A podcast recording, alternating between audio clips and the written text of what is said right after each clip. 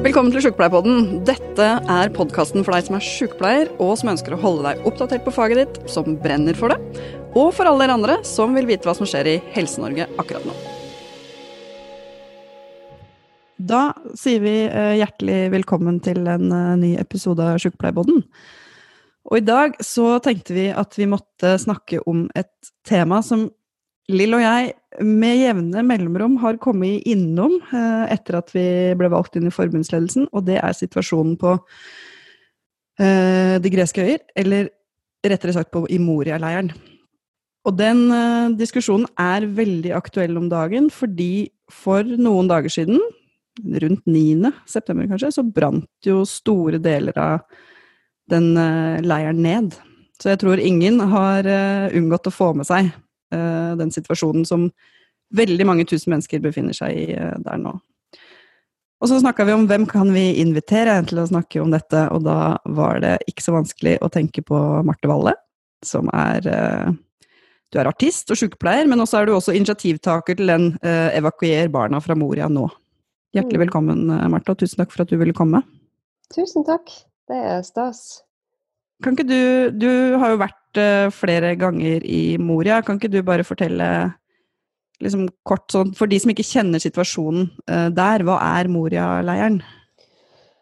Ja, Mor Moria-leiren er jo eh, I utgangspunktet så er så var dette ment som en transittleir som ble oppretta i 2015, når den såkalte flyktningkrisen eksploderte.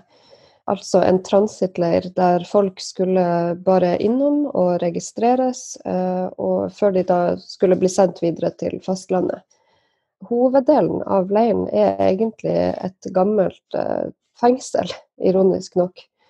Eh, som da over flere år har utvikla seg til å bli da en permanent flyktningleir selve leiren, som har vært dimensjonert for ca. 2800 mennesker, har på det meste husa uh, nærmere 23 000. Uh, da jeg var der sist, i februar i år, så var det 22 000 mennesker der.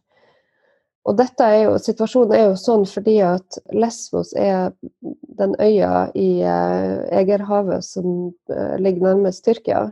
du kan jo se over til Tyrkia. Så veldig mange av de menneskene som er på flukt, eh, da spesielt fra Syria og Irak og fra Afghanistan, de kommer seg til Tyrkia, og så eh, er det da en stor industri med menneskesmuglere som frakter folk over til, eh, til øyene. Altså, leiren har på ingen måte vært dimensjonert for å være en permanent flyktningleir, og det har den vært veldig preg av. Det har vært forferdelige forhold. Og eh, nå da, etter denne brannen, så har situasjonen forverra seg ytterligere for, for, veldig mange mennesker. Men er det Nå har jeg lest et tall på 13 000, og du sier 22 000. Altså vet vi helt hvor mange folk det egentlig er? Ja, altså 22 000 var det når jeg var der sist. Men nå eh, er det veldig mange som har blitt flytta over til fastlandet de siste månedene. Så nå når brannen eh, Når dette skjedde i forrige uke, så var det 13 000 som, eh, som bodde der. Mm. Mm. Ok. Moria er en av uh, flere leirer på de greske øyene, har jeg skjønt. Mm. At det er jo også flere lignende sånne leirer med ganske Og mange av dem er også overfolka. Så det er ikke bare Moria. På Samos og på Kios også så er det lignende leirer som er, som er dimensjonert for veldig mye mindre enn hva det faktisk befinner seg av folk der. Men Moria-leiren er jo på en måte har uten tvil vært den største, og vært den som har fått mest oppmerksomhet i media, men på mange måter blitt et symbol for situasjonen for flyktningene på de greske øyene. Mm. Mm. Uh, Lill, vi, uh, vi, har diskutert egentlig flere ganger om um, om vi skal engasjere oss i denne saken her. Altså um, kan ikke du liksom bare fortelle Vi kan jo gjøre det sammen, for så vidt, men hva er liksom eh, Det sier du alltid. Hva er pro, hva er kontra? Hvorfor skal vi gjøre det, hvorfor skal vi ikke gjøre det? Hva er det som er motargumentene da, for at Sykepleierforbundet, som en partipolitisk uavhengig organisasjon, ikke skulle engasjert seg i si flyktningspørsmål, f.eks.? Vi får kritikk for uh, alltid når vi engasjerer oss i saker, sånn som vi gjorde under landsmøtet 2019. Jeg var veldig glad for landsmøtet hadde den politiske uttalelsen som vi hadde, som var knytta til, um, til det å hente barna hjem, da, da ifra, syrisk, um, fra Syria igjen. Men også i den, det landsmøtepolitiske resolusjonen der, så var det jo snakk om å hente barna hjem. altså uansett, der, Det er noe med menneskeverdet som ble, som ble diskutert på, på, landsmøtet, som jeg er veldig glad for at det ble tatt opp på den måten. Som også var en del av det vi, vi gjorde i januar-februar fra forbundsstyret, sånn at vi da gikk ut i en, en offentlig og ba, ba, om å evakuere barna fra Moria.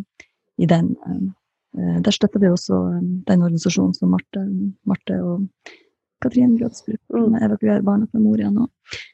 Um, og da får vi alltid kritikk når vi går ut som, som partipolitisk uavhengig organisasjon, sånn som vi er i Norsk Sykepleierforbund. får vi kritikk på at uh, hva gjør vi med det her? Vi skal jobbe med fagforeningsting. Vi skal være opptatt av hvordan vi får det bedre for sykepleierne, og hvordan vi får opp lønna for sykepleierne. Det er alltid det jeg får tilbakemelding på, i alle fall. Og så tenker jeg at det her handler jo nettopp om samfunnspolitikken, og det er det jeg har prøvd å forklare i mail og i telefoner til de medlemmene som blir veldig sinte eh, på at det her handler nettopp om, om, menneskeverdet. Og det ligger også i sykepleierne sine, sine yrkesetiske retningslinjer. Eh, vårt mandat å gi helsehjelp, mm. men også at, eh, mm. som sagt, de yrkesetiske retningslinjene våre. Så dermed så er det, det ligger nært til sykepleie å hjelpe der det trengs, og her trengs det. Ja, mm. altså For min del så var det, det var den sterkeste motivasjonen for å ta sykepleierutdanninga. Det var for å ha et yrke som jeg kunne, kunne bruke i, i, solidaritetsarbeid, som alltid har vært viktig for meg. Mm. Uh, og jeg tenker ofte på det. altså Jeg og mine, mine kollegaer har reist ned med to venninner som er anestesileger. og vi har diskutert det hver gang når vi har vært på vei hjem, at nå begynner den viktigste jobben. Uh, det er å formidle situasjonen hjemme. Og som helsearbeidere, og for meg som sykepleier, så er det jo Altså, helse er jo politikk, både her hjemme og der ute. Og det er mye vanskeligere for, eh, for innvandrerkritikere å argumentere når vi som helsearbeidere dokumenterer at folk blir syke av å bo under sånne forhold. og det er Norge er med på å bestemme den politikken som holder de menneskene der. Eh, og det å bruke det man ser og, og er vitne til som, som, eh, sykepleier og som helsearbeider, til å stå opp for, nettopp for menneskeverdet, mm. det tenker jeg er viktigere enn, enn noensinne. Så. Og så er det noe med at vi lever jo i en global verden, mer og mer uh, globalisert uh, verden. Vi lever jo på ei mm. øy for oss sjøl her, uh, ei halvøy som, som, som, Norge. Sånn sett er alene. Vi gjør jo ikke det. Mm. Eh, så det som påvirker Hellas og uh, Italia og Afghanistan, for den saks skyld, det påvirker også Norge gjennom, sånn som det vi ser her. Derfor så er det jo denne retorikken, for vi får jo den også tilbake i Sykepleierforbundet, at ja, men skal vi hjelpe, så skal vi jo hjelpe dem der de er. Vi skal i alle fall ikke stå for, foran her og si at vi skal ha flere inn til, inn til Norge. Du var jo på Debatten i går med Fredrik Solvang, Marte. Og så skrev du veldig godt forresten eh, på Facebook her i morges om at du skulle ønske at det var tid og rom for de her eh, litt lengre diskusjonene. Det blir liksom, I debatt så blir det alltid sånn. Eh, hvem er det får mm. ordet mest, og hvem er det som klarer å holde på det. Men hvordan tenker du rundt det her? For det, det, spørsmålet jeg også ofte får, er ja, men hvorfor kan vi ikke hjelpe dem der de er? Ja, det er en veldig god eh, forklaring på det. Og det at for de aller fleste menneskene som befinner seg i, på de greske øyene akkurat nå, så er det ikke, det er ikke noe der.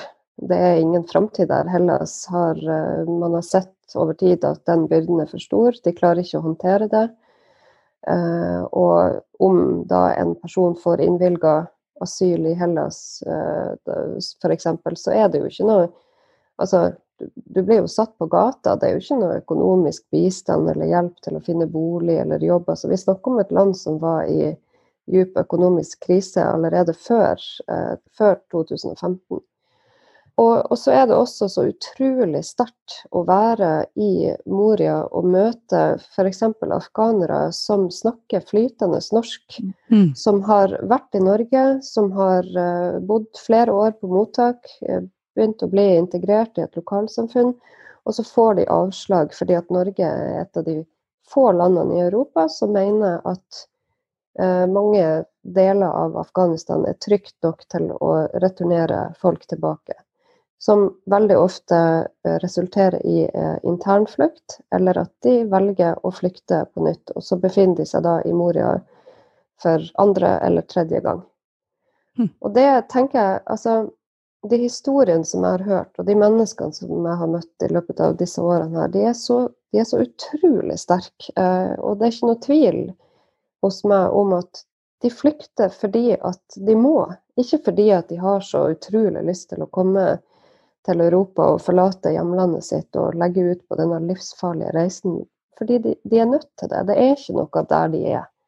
Det fungerer ikke der de er. Og det gjelder både i Afghanistan og i Syria og i Hellas, for den saks skyld. Penger og nødhjelp, eh, det fungerer ikke. Det har vi sett i Hellas over tid. Eh, også mange av flyktningene jeg har møtt, sier at vær så snill, ikke send flere telt og soveposer og, eh, og nødhjelp. Bare la oss få lov til å komme et sted der vi kan få lov å starte på livene våre. Der ungene kan få lov å gå på skolen, der vi kan få lov til å bidra i et samfunn. Altså en, en sånn verdighet og en anstendighet som, som eh, som ethvert menneske har behov for og, og trenger. Mm. Eh, og det var derfor det òg provoserte meg så ekstremt når Norge, eller Kjell Ingolf Ropstad, slo seg på brystet og sa at nå skal vi sende medisinsk team ned til Hellas. Eh, fordi at Hellas har bedt om det. Det er ikke det folk trenger. Folk trenger å komme seg vekk derifra, og de trenger å få lov til å starte på et liv. Det er jo det du sier, kan man se for seg å leve et sånt liv, på en måte? Og det, det, det er jo vanskelig for oss å, å, forstå til det fulle, kanskje. Mm, mm. Uh, men jeg skjermer meg i hvert fall veldig fra, den, fra både nyheter og den Altså den, lid, altså den ufattelige mengden med lidelse som finnes i verden. Jeg må bare si det at Noen ganger så skjermer jeg meg sjøl veldig fra det. Mm. Hvordan håndterer du det å stå i det? Altså, det har jeg brukt lang tid på som sykepleier òg, men jeg må bare si at den type lidelse da, som man ser i Moria, du sier det at det, det er ikke noe håp. Mm. Uh, som, som, menneske, liksom. Hvordan står du i det? Nei, det, men det er jo det samme som gjelder for meg. Jeg må jo ha perioder hvor jeg ikke ser på nyhetene. Og, og de siste gangene når vi har kommet hjem fra Hellas, så har jeg hatt behov for hjelp. Altså, da har jeg vært hos psykolog og, og vært ganske sånn nedkjørt. Uh, fordi at det er jo det som gjør mest inntrykk, det er jo å se de menneskelige konsekvensene. Uh, av hva det gjør psykisk med et menneske å bli holdt i en situasjon over så lang tid. Også Mm. fordi at man vet at det er villa politikk, gjør det så utrolig mye verre. Eh, nei, det der er fryktelig vanskelig. Eh, og den men, balansegangen mellom å, å, skjerme seg og så det å, å, være engasjert, den er kjempevanskelig. Jeg er snart 40 og jeg slitt med det enda. Men jeg kan jo kjenne på det som sykepleier, eh, altså på, på, jobb i rus og psykiatri, der jeg så kan jeg jo kjenne på det samme som avmaktsfølelsen eh, innimellom. Så det tror jeg er jo et sunnhetstegn, at man ikke har den hele tida, men at man kjenner litt på det innimellom. Eh, for det betyr jo at man bryr seg. Og... Det bruker jeg også å Mm. tenke. Jeg kan også kjenne på det. Jeg blir veldig berørt. Jeg blir veldig berørt, eh, Marte, også av musikk. De tekstene som du Og jeg var på en konsert her med Trygve Skaug, som også engasjerer seg i den Sofia-sangen som, om, um, som omhandler Moria. Um, På den konserten, som jeg hadde ikke hørt noe særlig på Trygve Skaug før, men jeg gråt. Og det tror jeg for øvrig hele salen gjorde. Jeg først hadde begynt å satt hele resten av konserten, jeg klarte liksom ikke Jeg var helt ødelagt etter den konserten. Men det gjør jo noen ting. Det, det berører, og det gjør at man sånn, Det vekker jo et engasjement. Mm. Ja, det syns jeg er interessant, også som en del av den offentlige debatten om Moria, at vi må ikke la oss styre av følelsene. Som om, eh, som om det, det, er et sånt skille mellom følelse og fornuft. Og her skal du altså Og da tenker jeg at er det egentlig fornuft, eller er det iskald beregning? Eh, Mm. Det minner meg om den der eh, hvordan man kalte kvinn, kvinner for uh, hysterisk før i tida. Ja. Altså Jeg også har tenkt mye på det at når ble det på en måte et mål at vi ikke skal reagere følelsesmessig? Mm. Eh, men så vil jeg jo si at mye av det som skjer på ytre høyresida, òg virker nå ganske sånn følelsesstyrt på meg, men, eh, men det er kanskje snakk om litt andre følelser. Men jeg tror òg at, at, det å, å reagere emosjonelt, det handler jo til syvende og sist om et moralsk eh, kompass. Mm. Og jeg har jo sjøl Jeg er veldig opptatt av musikk som formidlingsverktøy, og har de siste årene jobba med et prosjekt som jeg har laga, eh, som er tatt inn i Bergen kommune, som er et forebyggende psykisk helseprosjekt som består av formidling og dialog med ungdommer, eh, og musikk.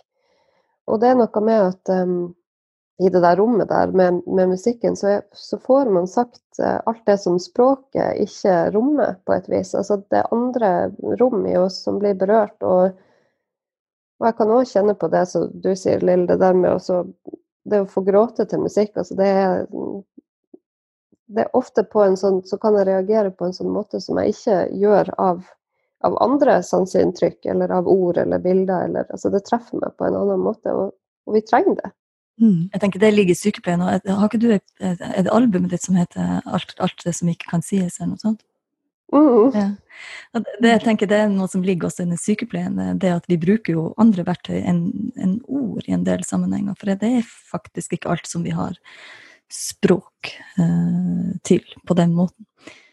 Mm. Nei, og det ser man jo f.eks. i en begravelse, at når er det at eh, tårene kommer? Det er jo når musikken kommer, som regel. Og det er jo fordi at der Det er når jeg ser kommer. ja. ja. Men det er noen med at det liksom blir da, når du blir berørt, så skal du ikke lenger mm. Eh, bli lytta til. Da er det et eller annet som, mm. Eh, da er du så styrt av følelser. Mens jeg tenker det er akkurat som du Marte sier, det er et moralsk kompass. Og så skal du selvfølgelig ikke bli værende i Jeg kunne jo ikke bli værende i Trygve Skaug-modus her med men, men, å komme ut derifra og faktisk mm. sette seg ned og jobbe med hva er, hva er, hva er det som skjer? Hvordan kan jeg, vi, være med på å påvirke det i noen retning ut ifra det at man blir berørt? Mm. Som sykepleier også, at vi stadig vekk kommer opp i situasjoner der altså den følelsesmessige reaksjonen på en situasjon er med på å, å, gi oss informasjon om hvordan man skal handle, altså hvordan man skal velge videre. Eh, og, mm. og, hvem er det man skal snakke for? Og jeg tenker at sykepleierne skal jo ja, man skal stå opp for, for seg sjøl, men også at det å, det å tørre på vegne av pasienten når noe ikke føles riktig. Mm. Og det er akkurat det jeg tenker som Sykepleierforbundet skal gjøre. Vi er jo en, en, fagforening, en klassisk fagforening, som selvfølgelig snakker om eh, interessepolitikk og lønn osv., men vi kommer ikke Vi er nødt til å snakke om faget vårt, og vi er nødt til å snakke om samfunnspolitikken òg. Og dette er en del av mm. samfunnspolitikken, så derfor er jeg veldig glad for at vi har et styre som, eh, som eh, backer. At vi også nå da Vi har jo gitt penger, da, Marte. Vi har gitt 100 000 til, til Leger uten grenser til nødhjelpsarbeid i ja, ja, men det er jo viktig. Mm. Mm. Er jo, situasjonen er jo sånn som den er akkurat nå, men, og det må vi jo bare forholde oss til. Men uh, når jeg snakker om hva som det er behov for, så er det jo politikerne uh, adresserer. Mm. Ikke sant. Og den måten uh, norske politikere Eller det, det, er jo en veldig levende debatt i det norske altså politiske ordskiftet, men vi har jo KrF eh, og Venstre i regjering. Eh, og allikevel så skal vi hente 50 stykker da, fra, fra, Moria. Og så har det blitt nå, i løpet av veldig få dager, så er det vel over 70 000 i en sånn Facebook-gruppe som heter 50 er ikke nok. Og det er veldig mange som har engasjert seg i at man må hente flere. Og så ser jeg at det statsministeren uh, svarer, er at ja, men du må huske at det er mye elendighet i verden. Altså, er, tenk, hun svarer egentlig sånn Se på hva som skjer i eh, Libanon. Altså, se på de inter alle millionene flyktningene som er i Tyrkia. Hun retter egentlig oppmerksomheten et annet sted. Eh, men altså, har de et poeng også? Altså, sånn, kan vi bli for opptatt av det som er eh, i Europa, som er nærmest oss, og så glemme de faktisk 80 millionene som er på flukt i resten av verden? Altså det, det, er mange nyanser i akkurat den debatten der, og jeg tenker at uh, det er godt mulig å ha plass til to tanker i, i hodet samtidig. Uh, vi er jo, som Lill sier, en del av en global verden, og vi, uh, verden kommer til å komme nærmere de neste årene. Og jeg tror, for det første så tror jeg vi må tenke nytt rundt flyktningspørsmålet. For det har, det har aldri vært så mange mennesker på flukt i verden som det er akkurat nå. Og pga. klimaendringer og, og uh, andre faktorer så kommer det ikke til å bli færre. Det er bare sånn det er. Men enn så lenge, når vi snakker om Moria, så er det jo altså, det er mange grunner til at den debatten kommer veldig nært. Det er jo f.eks. enklere for norske frivillige å reise to timer på fly ned til Hellas for å jobbe og være vitne, enn hva det er for oss å reise til Vest-Afrika f.eks. Mm. Det føles nærmere fordi det er et land mange har vært på ferie i og, og kjenner til. Men viktigst av alt så er det fordi at det ligger i Europa og dermed er et europeisk ansvar.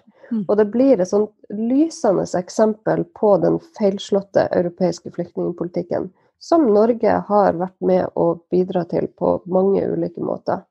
Vi har vært med på å finansiere at denne situasjonen i Hellas skal opprettholdes, sånn at vi i Norge skal slippe å forholde oss til problemet. Vi har vært med på Tyrkia-avtalen Eh, mellom EU og Tyrkia for å betale penger for å slippe at disse menneskene skal komme til der vi befinner oss.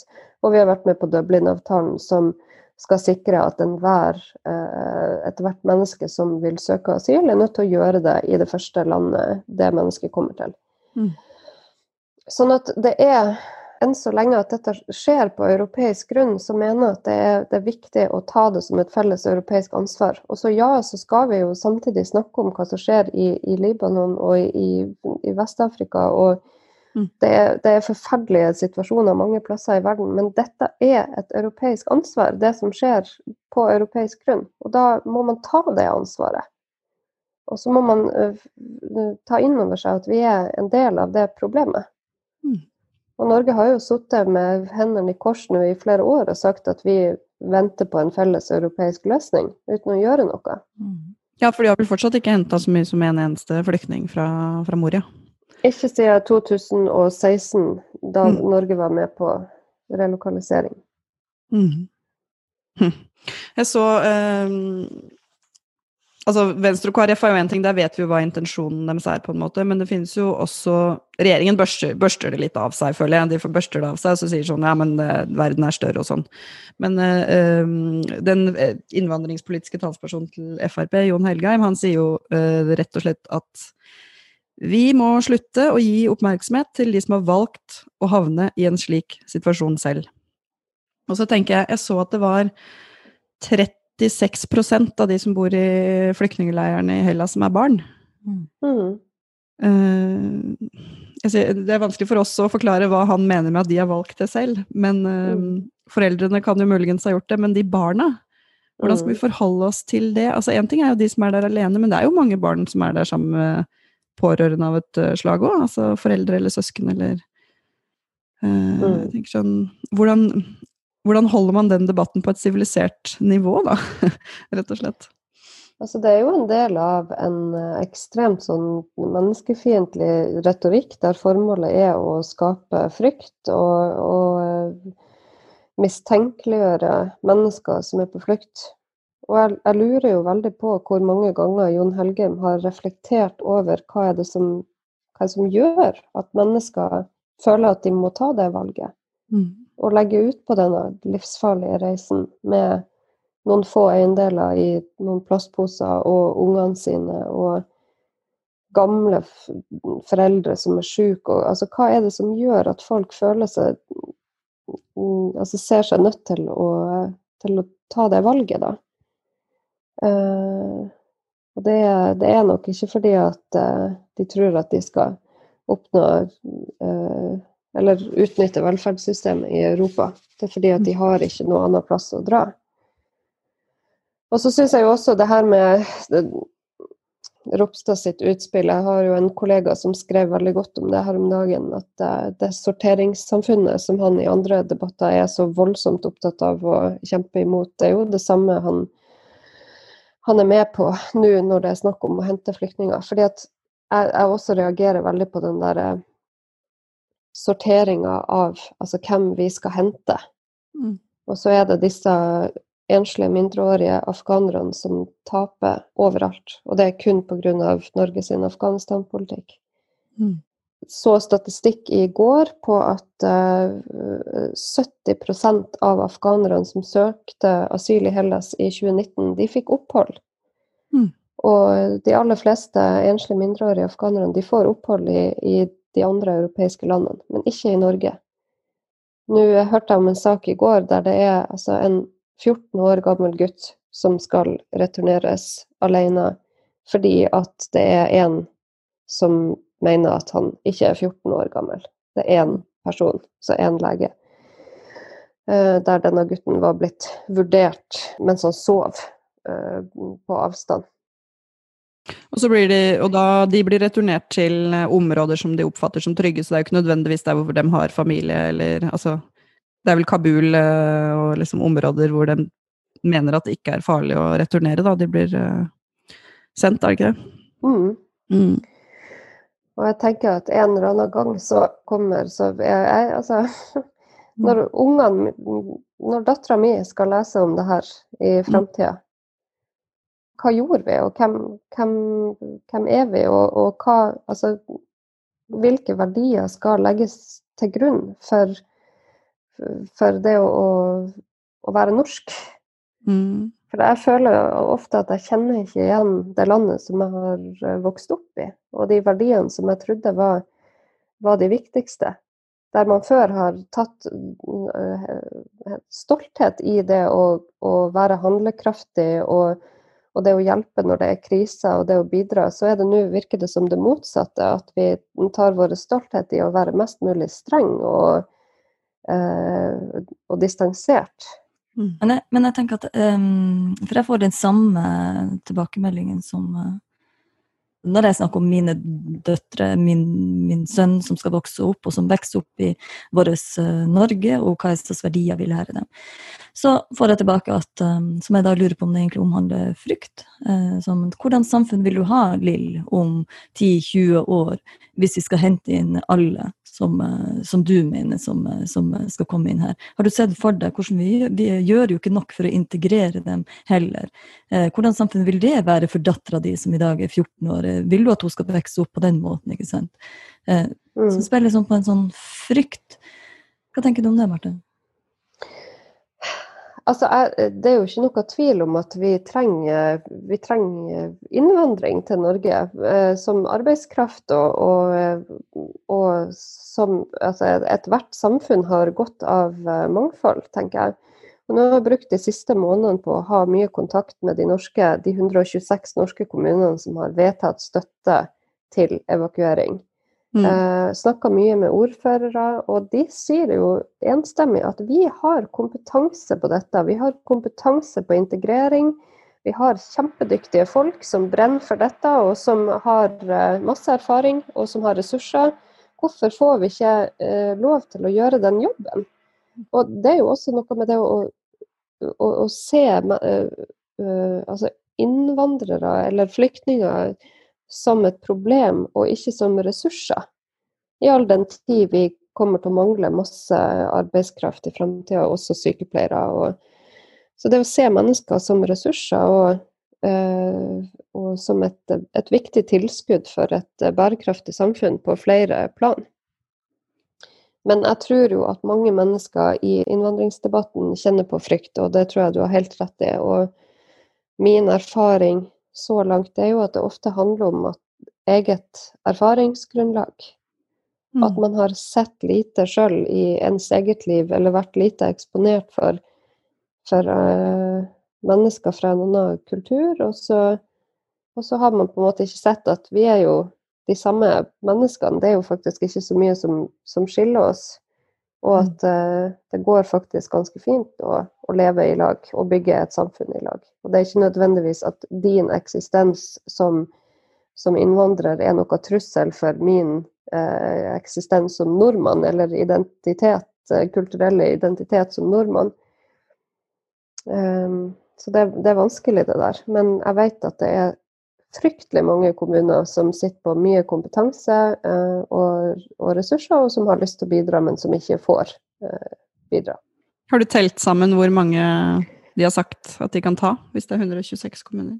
Ja, altså vi holder på med det nå, å kartlegge hvor mange det kommunene faktisk har plass til. Men jeg tror at vi kommer til å lande på uh, flere tusen til slutt. Er mm, veldig stolt over Tromsø og vår ordfører her, som har vært veldig tydelig ja. å hente, hente, ja. hente, mange.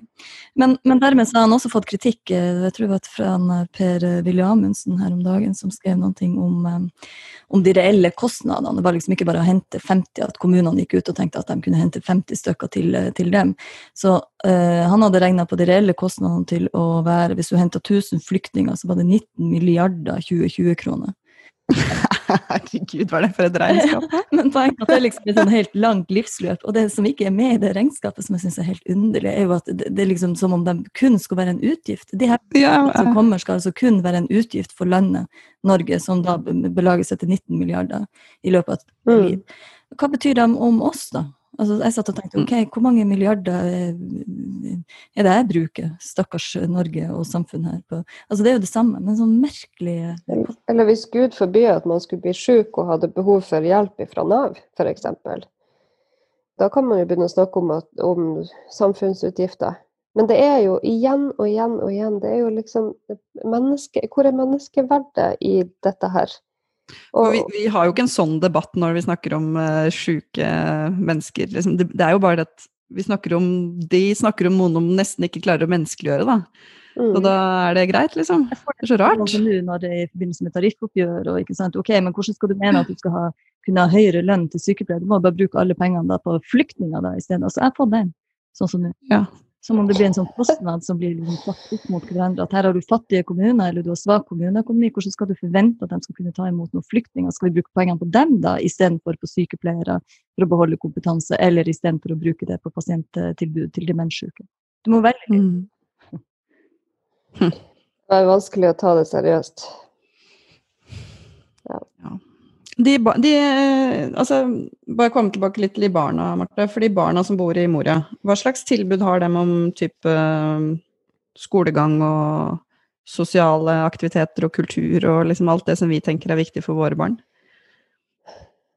Ja, det er jo et godt spørsmål. Jeg, jeg som frivillig har jo mange ganger lurt på om jeg er med på å bidra til å opprettholde problemet ved å reise det som frivillig. Og det er jo fordi at stort sett så har helsetilbudet, aktivitetstilbudet for unger eh, og for andre eller voksne, eh, og distribusjon av klær, sanitetsartikler, altså har vært eh, Den jobben har vært gjort av frivillige.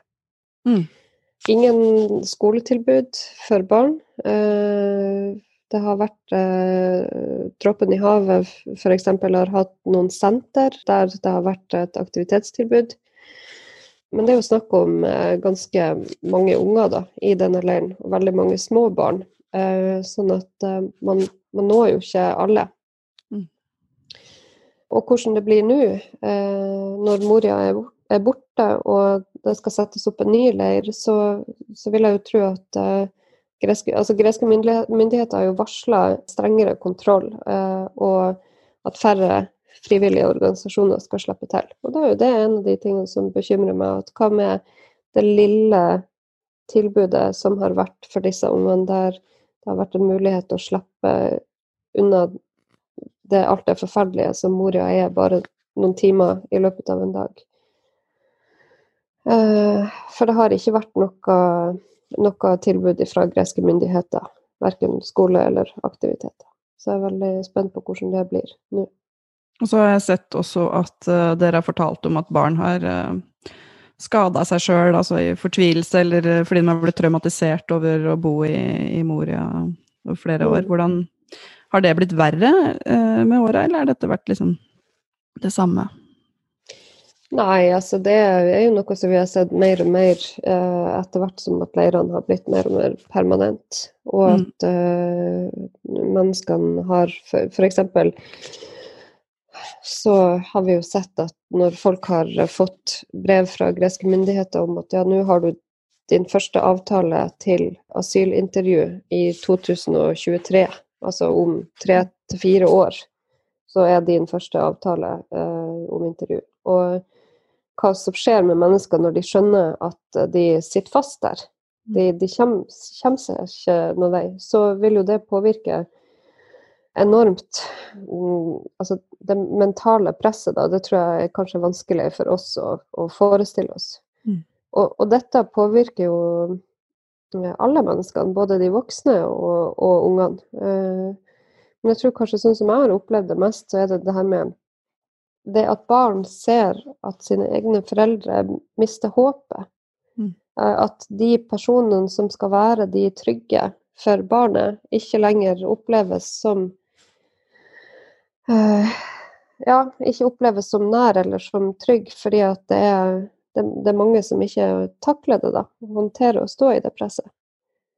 Og det gjør noe med Det tror jeg gjør noe med ungene. Og jeg har sett mange f.eks. mødre som ikke De klarer ikke å være oppmerksom på, på ungene sine i mm. situasjoner, fordi at de har ikke mental kapasitet til det. Mm. Så et vanlig syn i, i, Moria det er jo at det er søsken som går rundt og, og passer på sine mindre søsken. Eh, selvskadinger som jeg har vært vitne til, syns jeg har eh, det hadde, jeg ikke, det hadde jeg ikke sett i et sånt omfang før i, da vi kom og jobba på klinikken i 2019. Hm. Så det er klart at det, nei, det kommer til uttrykk på mange ulike måter vold i, i familien eh, fra frustrerte fedre, eh, frustrerte menn. Mm. Også et stort problem. Så nei. Det å være som sykepleier i en sånn situasjon der jeg hjemme er vant til å kunne henvende meg til andre for å ja, hjelpe pasienter videre, så, så er det utrolig frustrerende. Fordi at de som f.eks. da er du skjønner at her er det snakk om traumer eller posttraumatisk stress eller eh, selvskading eller suicidalitet eh, eller andre psykiske lidelser, så er det ingen plasser å sende folk. Mm. Det finnes ikke noen mulighet for, å, for legen å skrive en henvisning. Mm. Det finnes ikke, det ikke noen spesialisthelsetjeneste for flyktninger.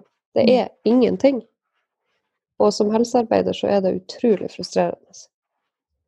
Og ikke bare på det psykiske, men også somatisk. At det er svært begrensa hvor mange pasienter man har mulighet til å henvise fra klinikken og til det lokale helsevesenet. Mm. Så eh, da skal situasjonen være ganske alvorlig. Det skaper jo ringvirkninger for de pasientene som har kroniske sykdommer, som har eh, som har eh, f.eks. har vært i kreftbehandling når de har vært tvunget til å legge ut på flukt. Det, alt blir bare veldig, veldig komplisert. Mm. Men nå bor jo alle disse menneskene på gata, de fleste av dem. Uh, og det blir satt opp en ny, en ny teltleir inne på et militært område. Mm. Og så har jeg forstått at de menneskene som nå bor på gata, de kvier seg for å flytte inn i den nye leiren. Hvorfor det? Ja, det er jo ganske mange tusen som har flytta inn der allerede, og de, eh, de jobber ganske fort nå. Eh, jeg tror hovedgrunnen til at folk ikke vil flytte inn der, det er fordi at de er redd for at det skal bli Moria på nytt igjen. Mm.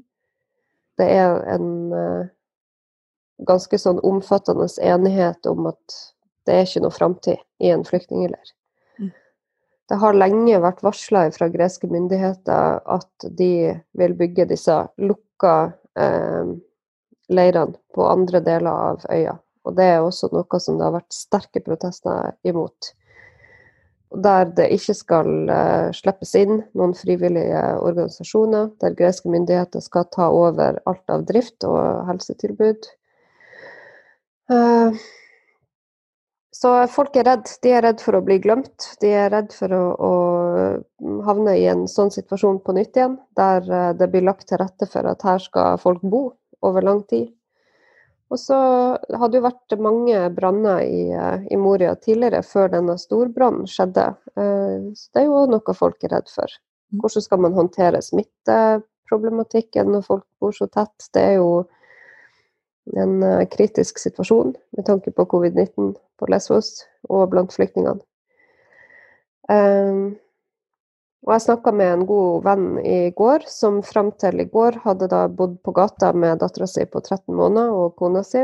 Um, og han sa at de hadde bestemt seg for at de ville ikke flytte inn i den nye leiren. Mm. Men så hadde de da i går fått melding på telefon fra greske myndigheter om at hvis dere ikke kommer eh, til denne leiren nå, så mister du plassen din i asylsøkerkøa. Vi kommer til å stenge kontoene dine, eh, og du vil ikke kunne få utdelt mat og eh, ja, det som du måtte ha behov for. Så regelrett sånn trusler da om at eh, det er, det er denne leiren eller ingenting.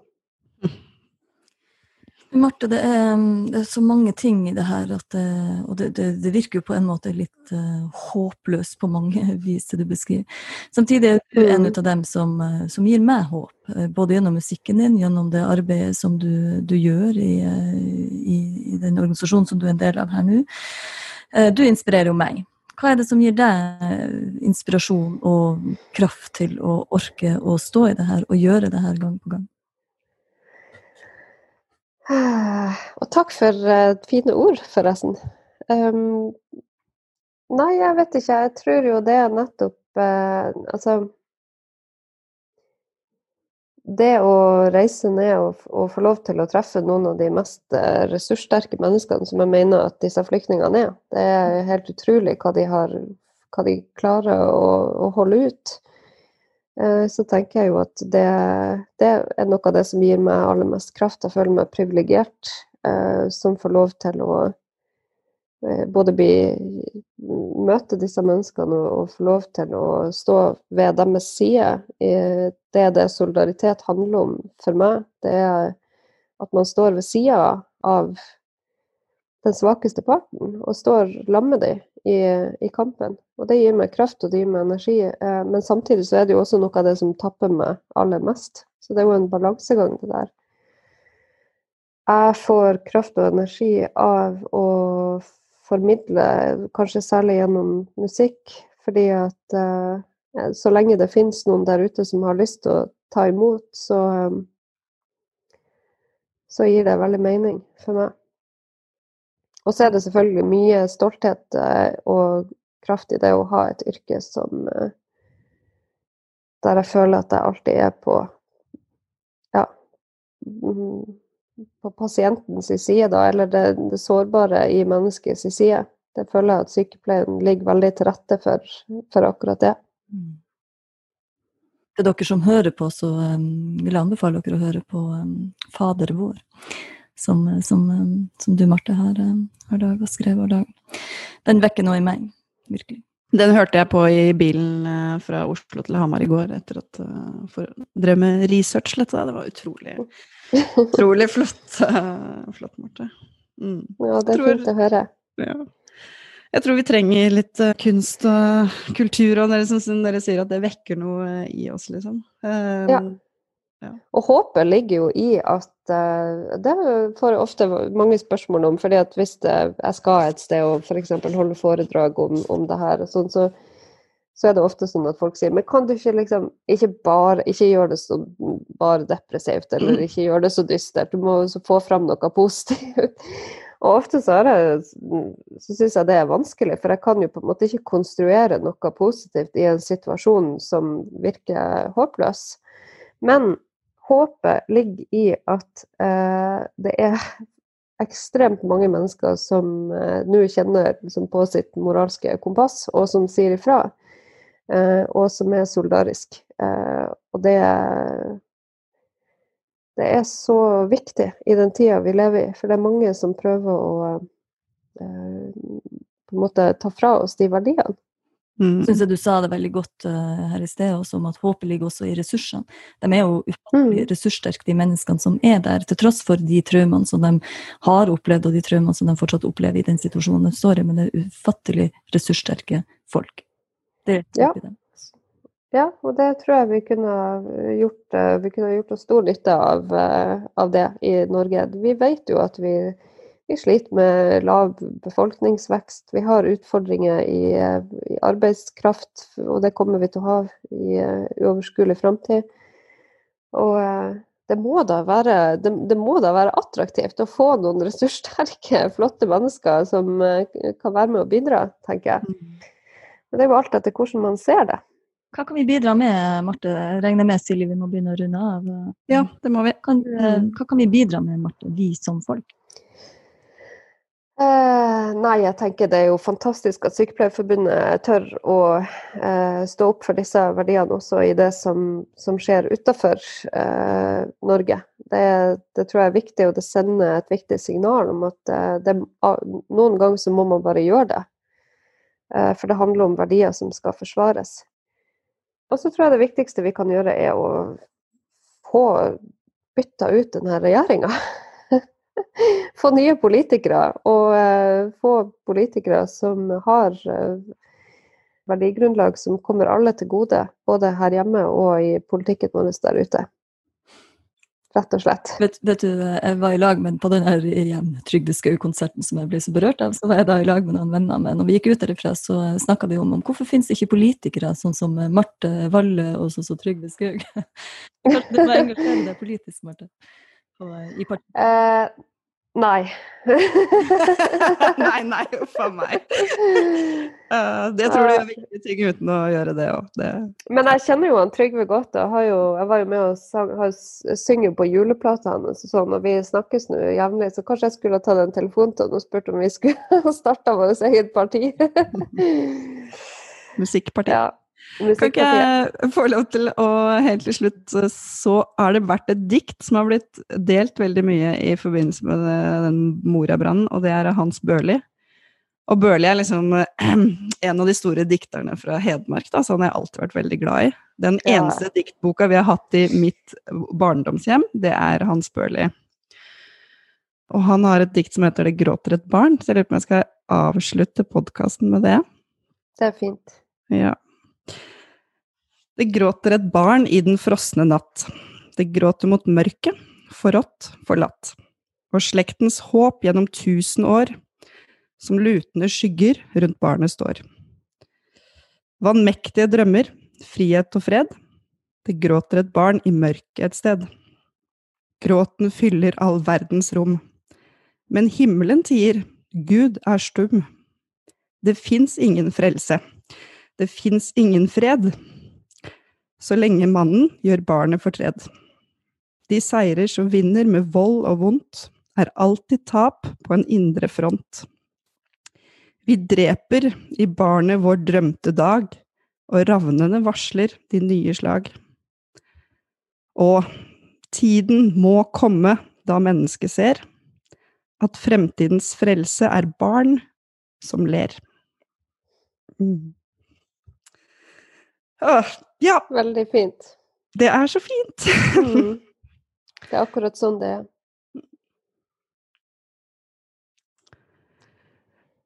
Tusen takk for at du ble med. Håper alle har fått noe å tenke på. Og så ses vi neste tirsdag til en ny episode av Sjukepleierpodden. Mm. Tusen takk for at jeg fikk være med. Hør, kjære du som sitter med beste kort på handa. Du som ser ned på alle kraumene her på jord. Du som lar bølgene slå evinnelig mot stranda. Og som gir næring nok til mat på våre spor. De sier at navnet ditt, det skal vi holde hellig. Vi prøver vel, men auna er